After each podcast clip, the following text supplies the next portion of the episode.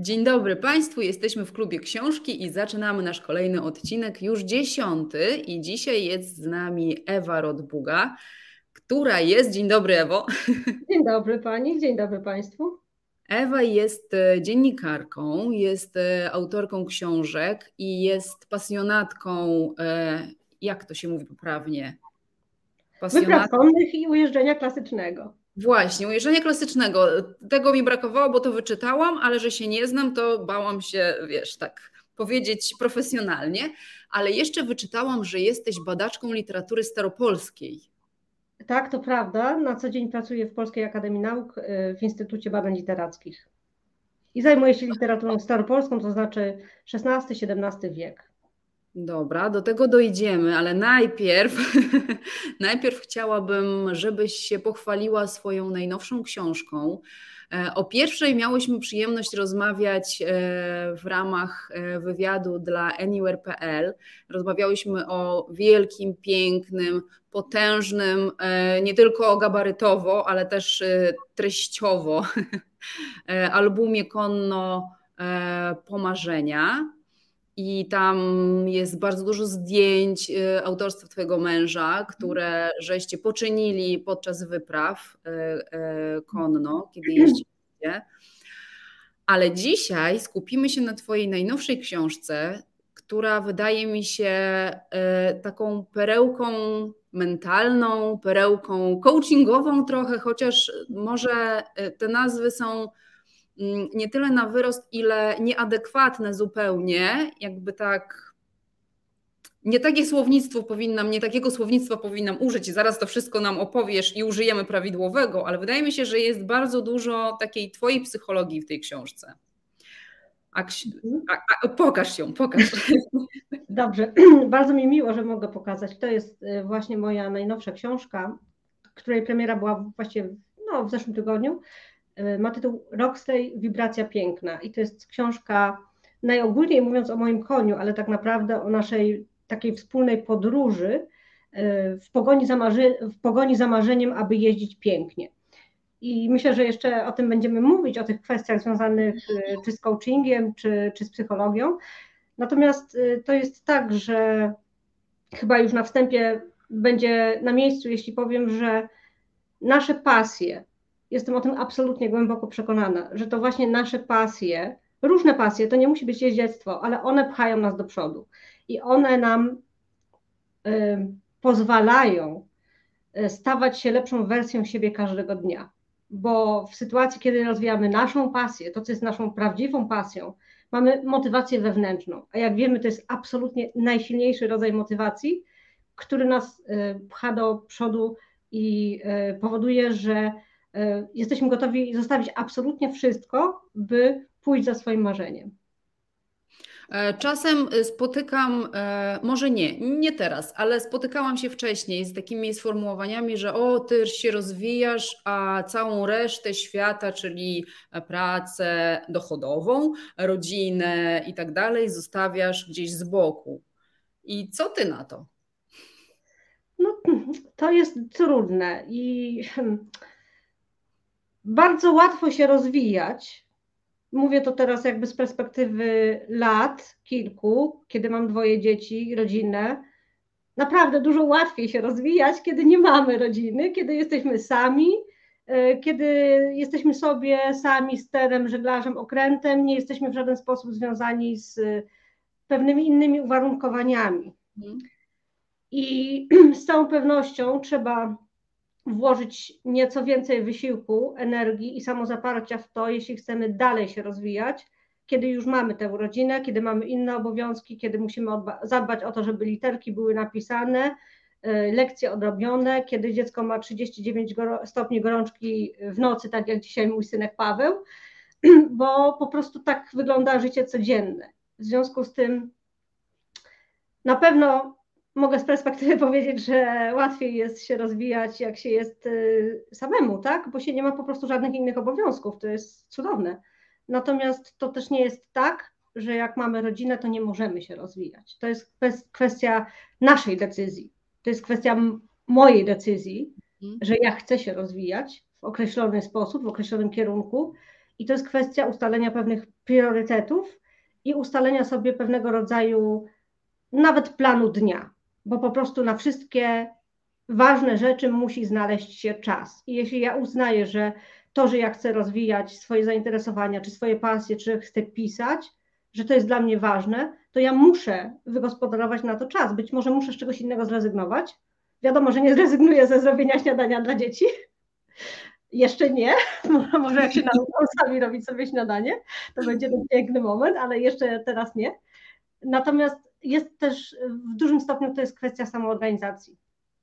Ja to też widzę y, taką piękną drugą stronę medalu, że pokazujemy też e, dzieciom, czy w ogóle otoczeniu, jak, w jaki sposób mogą mm, odnaleźć siebie i e, organizować swoje małe światy tak, żeby ich potrzeby też stawiać na, dla nich samych na pierwszym miejscu. To jest jedna rzecz, a druga, mm, nauczyć mm, takiej tolerancji wobec pasji innych osób, niekoniecznie z którymi się zgadzamy, y, nie z osobami się nie zgadzamy, tylko z tymi czynnościami, pasjami, e, miłościami takimi wielkimi. Mm, ktoś może powiedzieć, że nie wiem, moje pisanie to jest jakieś tam lanie wody i po co mi to, ale z drugiej strony ten ktoś może też rozumieć, że dla mnie to jest bardzo ważne i tak samo ja potraktuję bardzo poważnie lepienie z plasteliny, której na przykład mogę nie znosić, e, innej osoby, która w tym widzi e, przejaw jakiegoś swojego szczęścia i wielkiej miłości. No na pewno tak jest. To jest dla mnie bardzo ciekawe, jak, jak obserwuję y, te moje dzieci, które y, w jakiś sposób reagują na, na nasze książki. Y, to jest w sumie bardzo słodkie, bo kiedy przyjechała książka z drukarni, to Klara, która ma 3,5 roku, wraz z tatą nosiła paczki, żeby rozpakować książkę. tak? Więc to było urocze. A chyba jeszcze bardziej zaskoczył mnie mój syn, który no tak na to mu przyszło, że żyje w otoczeniu książek, mamy, która jest naukowcem i pisarką.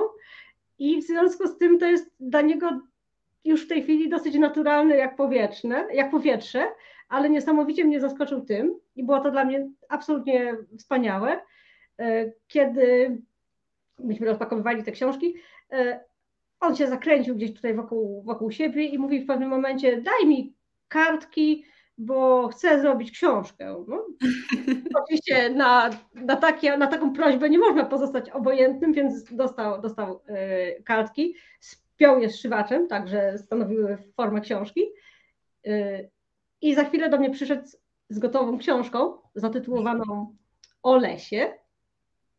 I na każdej stronie było narysowane inne drzewo i podpisane.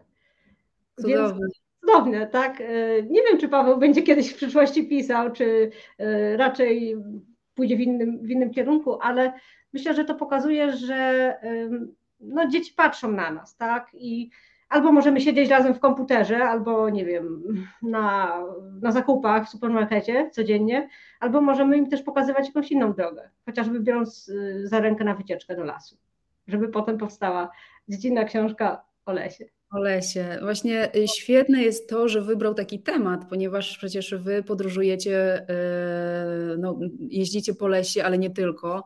Tak. E, I w Roxleyu też y, w tej książce Wibracje Piękna mm, poruszasz się po, po lesie. Tak, tak. Dla mnie to było bardzo miłe, że Paweł tak swoją książkę zatytułował, bo, a rzeczywiście tutaj w tej książeczce um, jest y, jakby równolegle toczy się opowieść, oprócz tej opowieści, bo tutaj jakby toczy się kilka opowieści w tej książce. I jedna z tych opowieści to jest opowieść o pogoni za marzeniem, aby jeździć pięknie, aby y, dorównać potencjałowi mojego konia, tak? To jest jedna linia, która tutaj się toczy, jedna linia narracyjna, a druga linia to jest y, jakby podobnie jak w Konno Pomarzenia, opowieść o podróży przez fascynujący świat przyrody przez przede wszystkim Puszczę Świętokrzyską. A wróćmy do tego pierwszego, do tej pierwszej linii narracyjnej, e, o tej pogoni za tak. marzeniem, żeby jeździć pięknie. Powiedziałaś e, fascynującą dla mnie rzecz, żeby dorównać temu potencjałowi, który jest w Twoim koniu. Ty, jako jeździec, osoba, która jest na nim, czego musiałaś się nauczyć? Jakby jak chciałaś go dogonić? Z jakimi obszarami tutaj się zmagałaś? Bo też wyczytałam w opisie, że jest to e, historia o Twojej bardzo długiej, intensywnej i niewdzięcznej pracy nad sobą. Czym to, to było? To jest w znacznej części opowieść o długiej, intensywnej i niewdzięcznej, ale absolutnie wartej tego poświęcenia pracy nad sobą. I żeby można było łatwiej może to zrozumieć także osobom, które nie jeżdżą na co dzień konno. Pierwsza zasadnicza sprawa, jeśli siadamy na konia, o której trzeba pamiętać, to jest to, że konie są absolutnie rewelacyjne, jeśli chodzi o odczytywanie sygnałów płynących z naszego ciała. My komunikujemy się z koniem na najbardziej podstawowym poziomie za pomocą ciała, za pomocą napięcia mięśniowego, przesunięcia kości kuszowych, drobnego ruchu palcem. E, na poziomie głębszym komunikujemy się z nimi też mentalnie ale żeby móc się komunikować na poziomie głębszym, to nie może być chaosu, który płynie z naszego ciała, bo jeżeli koń ma do wyboru jeden sygnał, bo na przykład moja miednica mówi to, drugi sygnał, bo moja łydka mówi to, trzeci sygnał, bo moja ręka mówi coś wręcz zupełnie przeciwnego, to pytanie brzmi, skąd on ma wiedzieć, którą komendę ma wykonać, za którym sygnałem ma pójść.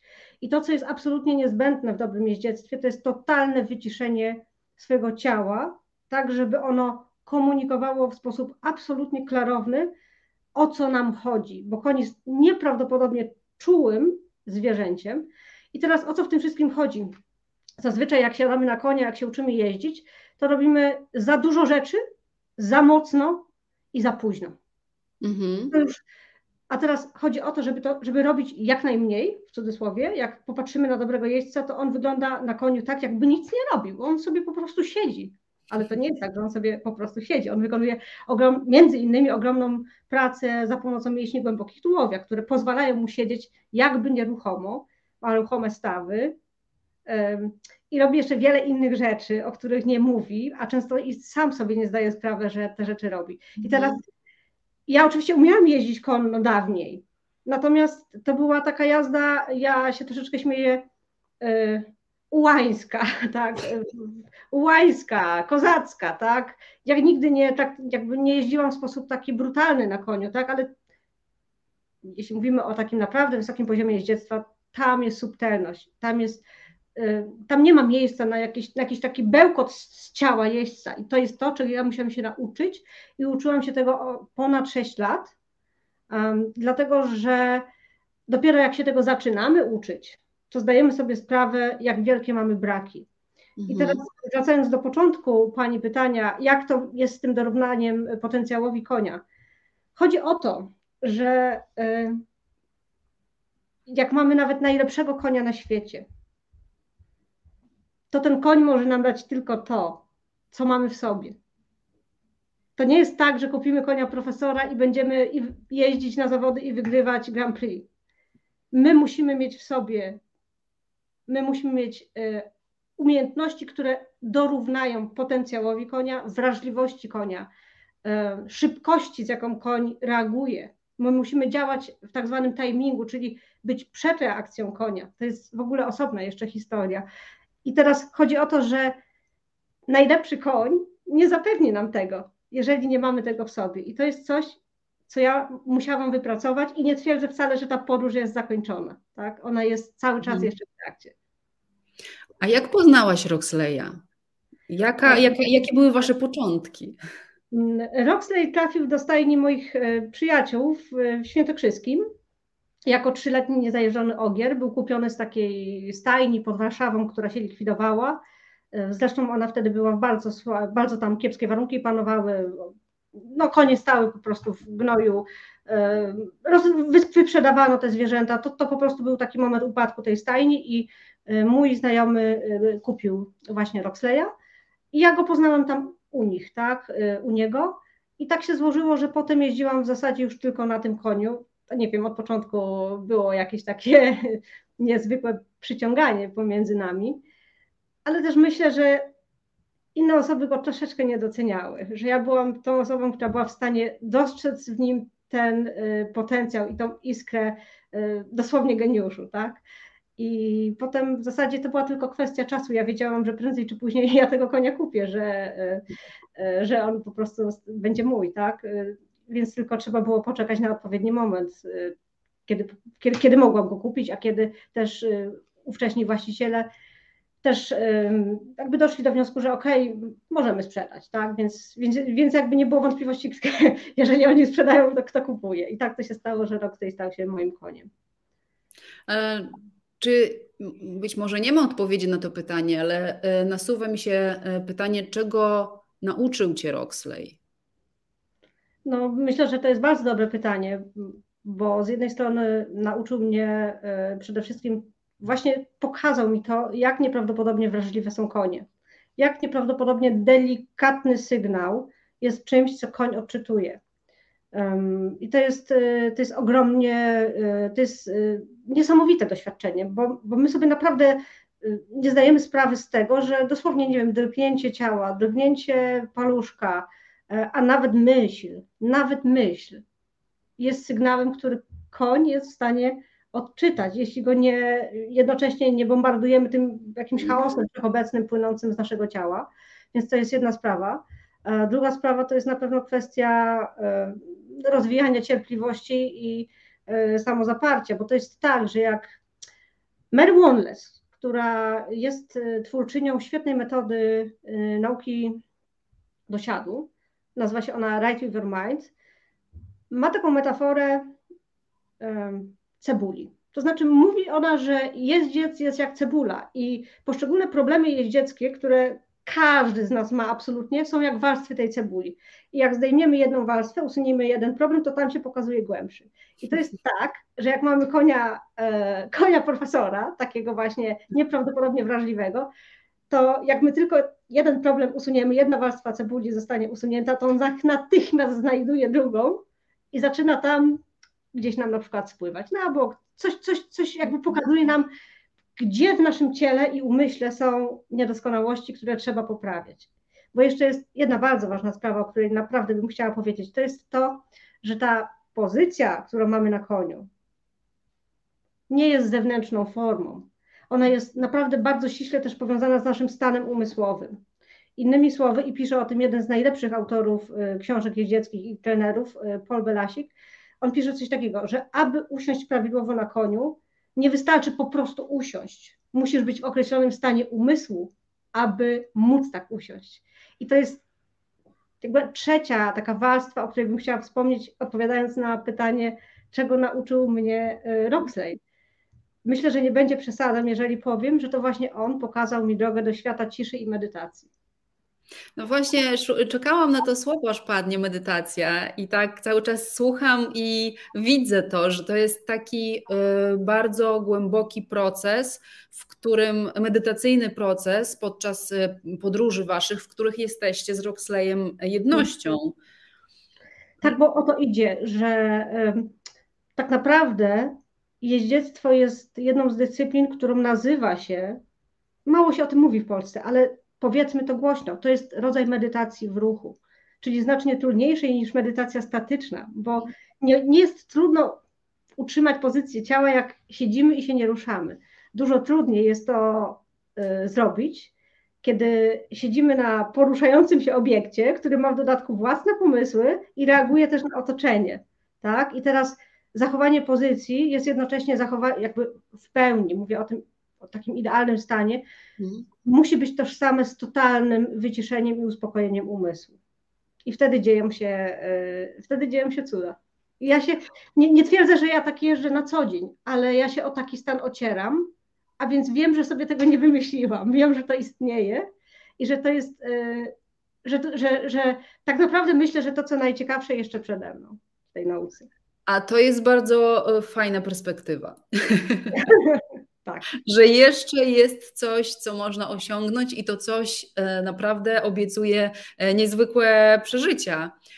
Powiedziałaś o otoczeniu, bo to też przecież wpływa to, co ty widzisz dookoła i to, co koń postrzega też dookoła. Tak. Czyli to też jest y, jakiś bardzo ważny element, nie jakiś, tylko bardzo ważny element y, waszego takiego zespolenia. A ja się zastanawiam też nad tym, czego ty szukasz y, w naturze. Mm, no bo niektórzy pewnie pasjonaci jeździectwa lubią jeździć, nie wiem, może brać udział w wyścigach e, sportowych. E, ty wybierasz szlaki e, turystyczne, znaczy nie turystyczne, nie wiem jakie, właśnie, jakie, co ty wybierasz? Tak, no to jest tak, że ja wybrałam dwie rzeczy. Po pierwsze to, że chcę jeździć pięknie, czyli w taki sposób, który umożliwi mi naprawdę najgłębsze zjednoczenie się z istotą konia. I w sposób fizyczny, i w sposób mentalny. Tak? Mhm. To jest jedna sprawa. A druga sprawa to są e, te moje podróże i wyprawy konne, których e, odzwierciedleniem też jest oczywiście książka Konno Pomarzenia, ale też i ta jedna linia narracyjna w książce Roxley Wibracja Piękna. E, I to nie są tak naprawdę rzeczy rozłączne, dlatego że ja szukam wyciszenia i połączenia. I to są mhm. rzeczy, które zarówno mogą zajść, kiedy ćwiczymy na czworoboku piaw, ale też w równym stopniu, kiedy y, wędrujemy przez y, Kaukaz na poziomie 3000 metrów nad poziomem morza. To jest taki szczególny moment jedności i połączenia z koniem, z naturą. Um, coś, co chyba nawet trudno opisać, y, coś, co daje um, poczucie harmonii, spokoju, takiej harmonii wewnętrznej. E, poczucia, że jesteśmy tu we właściwym miejscu, że to, co się dzieje, e, to jest nasz świat. Tak bym to chyba opisała. W jednej z recenzji e, do Twojej książki przeczytałam takie fajne zdanie, nawet sobie tutaj wypisałam, że Twoja książka jest okryta magią tego, co nieuchwytne i poruszające. I teraz ja się zastanawiam, co u Ciebie jest takiego nieuchwytnego rzeczywiście w tych podróżach. Czy to są momenty, jakieś właśnie takie ocieranie się o mhm te takie metafizyczne stany, o których wspominałaś wcześniej? Myślę, że troszeczkę tak, dlatego że kiedy doświadczamy takiego momentu naprawdę połączenia y, mentalnego z koniem, to to są takie szczególne chwile, kiedy, nie wiem, nie słyszymy dźwięków. Przestajemy, mhm. nie wiem, patrzymy gdzieś tam na otoczenie, ale właśnie przestajemy to, gdzieś to jest takim tłem dla nas, tak? I teraz ja wiem, że to istnieje, bo ja się o to ocieram, a wiem o tym stąd, że kiedy tego doświadczę, to, to potem nagle mnie coś z tego stanu wybija i aha, to ja tutaj jestem, jadę sobie na koniu. E, I teraz, kiedy nam się uda wejść w taki stan mentalny i reagować dokładnie wtedy, e, jakby być w timingu ze wszystkimi pomocami z koniem, to to są nasze najwspanialsze, najpiękniejsze jazdy, takie na czworoboku, ale to jest też ten właśnie moment spotkania ze sobą i spotkania z no, takiego połączenia z, nie wiem, ze światem, tak, można by powiedzieć, czy z wszechświatem, tak, kiedy, kiedy gdzieś wędrujemy. Po to, się, po to się też chyba chodzi, po to wiele osób chodzi y, w góry, tak, po to, żeby doświadczyć tego poczucia wolności i zjednoczenia z przyrodą. To jest coś, co być może jest y, trudne do wytłumaczenia komuś, kto tego nie dotknął, tak, jakby nie doświadczył, bo wiadomo, że dotykalne dla nas jest to, czego żeśmy sami doświadczyli, tak, a jeżeli czegoś żeśmy nie doświadczyli, to możemy tylko przyjąć do wiadomości, że tak jest, tak, tak zazwyczaj to działa. Natomiast tutaj ta podróż z koniem i to, co jest nieuchwytne, to jest trudno uchwytne. To jest wszystko to, co się mieści również w obszarze tak zwanego wyczucia jeździeckiego, czyli e, działania dokładnie w idealnym momencie, po to, żeby koń dokładnie nas rozumiał. I ja mam poczucie, że kiedy to się dzieje, że kiedy to się udaje jeźdźcowi, kiedy to się nie udaje, to koń sobie myśli, Jezu, wreszcie, wreszcie, jest ten tak i, i konie to lubią, dlatego że one wtedy wreszcie wiedzą o co chodzi. Że nasze pomoce, jeżeli my się spóźnimy z jakąś pomocą jeździecką o sekundę, to w naszym ludzkim życiu to jest tak, jakbyśmy się spóźnili o 30 lat dla konia. Ten stan medytacji w ruchu jest nieodzowny, żeby nie być spóźnionym w stosunku do konia i umożliwia e, właśnie uzyskanie takiego prawdziwego połączenia. Tak? Spe specjalnie nie używam tutaj słowa, nie wiem, relacja, miłość, przyjaźń, bo to jakby to wszystko jest obok. Tu chodzi o, taki, o takie jakby mityczne zespolenie się z koniem. To, co wyraża mit o centaurze. Tak, o to mniej więcej chodzi. Więc jest tymi, tymi mitami przejdziemy do tej literatury staropolskiej, bo mnie to też bardzo zaciekawiło. E, badasz, okej, okay. E, dlaczego akurat e, ten XVI-XVII wiek, dobrze zapamiętam, że co tam znalazłeś dla siebie? Co cię tam woła? To jest tak, że ja zaczęłam um, pracować naukowo i wybrałam ten akurat, a nie inny obszar ze względu na moich mistrzów. To znaczy, miałam to ogromne szczęście, że kiedy przyszłam na studia do Warszawy, to trafiłam na absolutnie wybitnych, znakomitych wykładowców.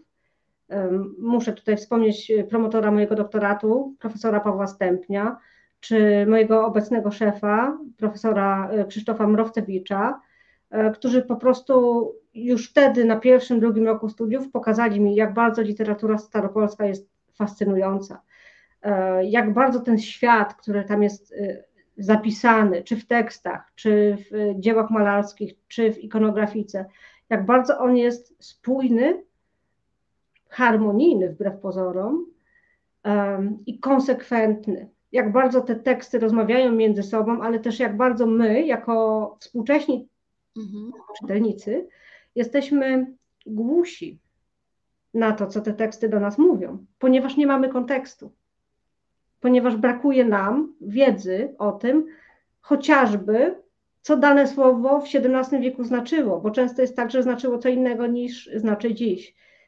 To jest troszeczkę tak, kiedy e, wchodzimy do gotyckiej katedry i patrzymy, oglądamy, tak? I teraz, jeśli nie mamy przygotowania, jeśli nie mamy wiedzy o tym, że absolutnie każdy element gotyckiej katedry jest nacechowany symbolicznie, że nie ma tam absolutnie żadnego przypadku, jeśli chodzi na przykład o wysokość kolumn, czy ilość kolumn, czy nawet najdrobniejszy element architektoniczny, to my możemy jedynie wejść do, tego, do tej katedry i podziwiać widoki na zasadzie, o, ładny obrazek.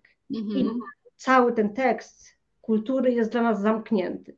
A w momencie, kiedy um, zaczynamy to badać, czy zaczynamy o tym czytać, dostajemy takie klucze, które pozwalają nam e, odszyfrowywać zapisane w tych tekstach znaczenia.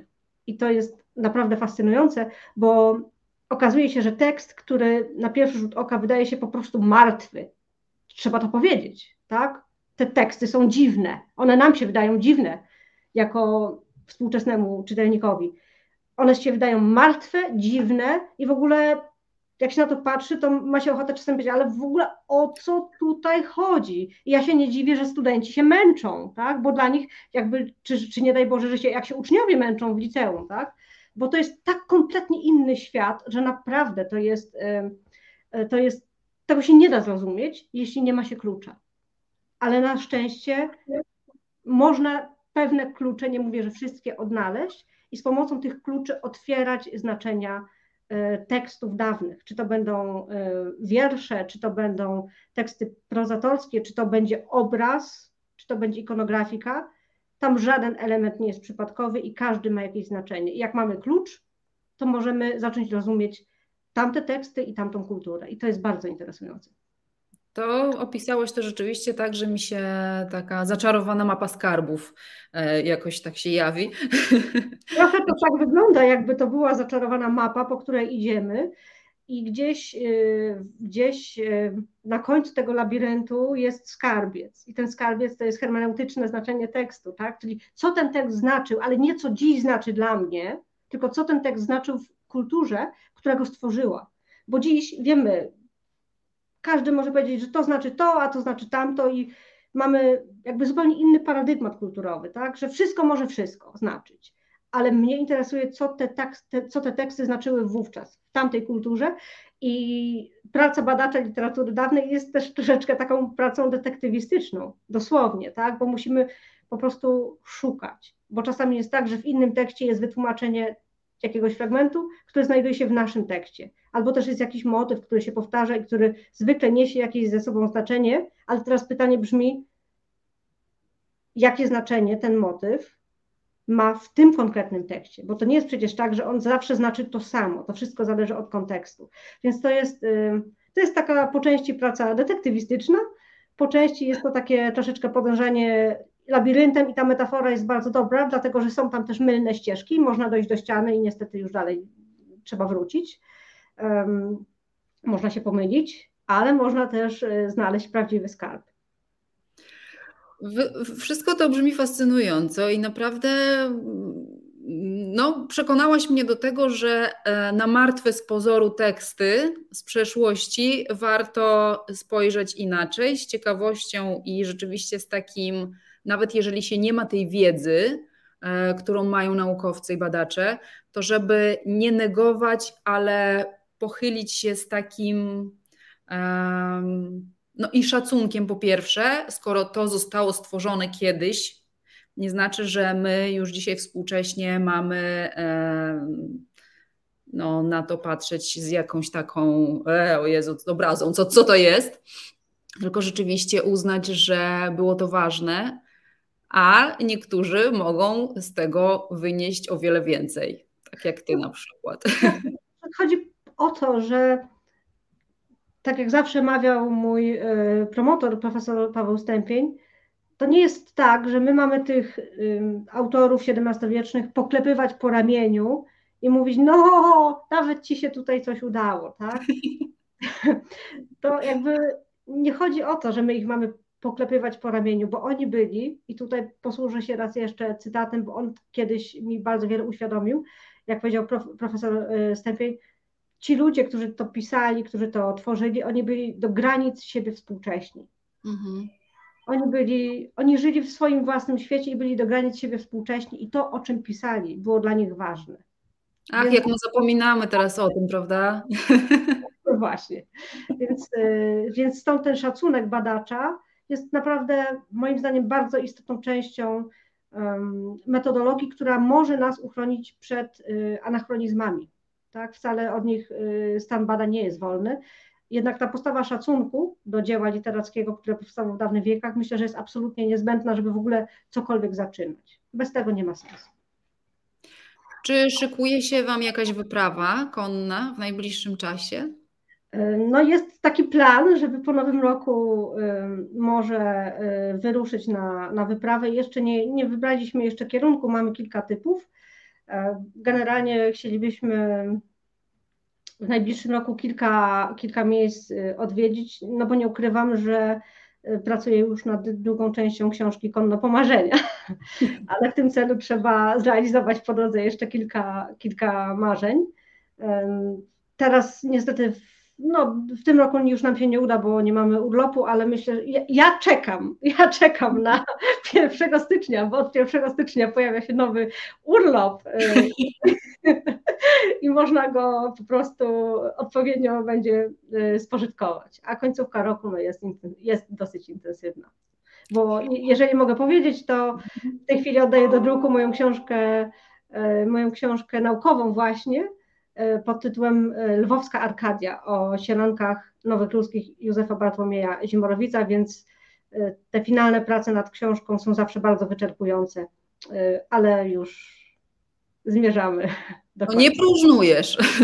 No raczej nie. Podoba mi się, co powiedziałaś, że żeby napisać kolejną książkę, też trzeba zrealizować kolejne marzenia, które później opiszesz w tej książce. I to jest w ogóle rewelacyjne podejście. I myślę, że właśnie tutaj jest clue tej mentalności takiej mm, odkrywania, cieszenia się, szukania, podążania, nienegowania.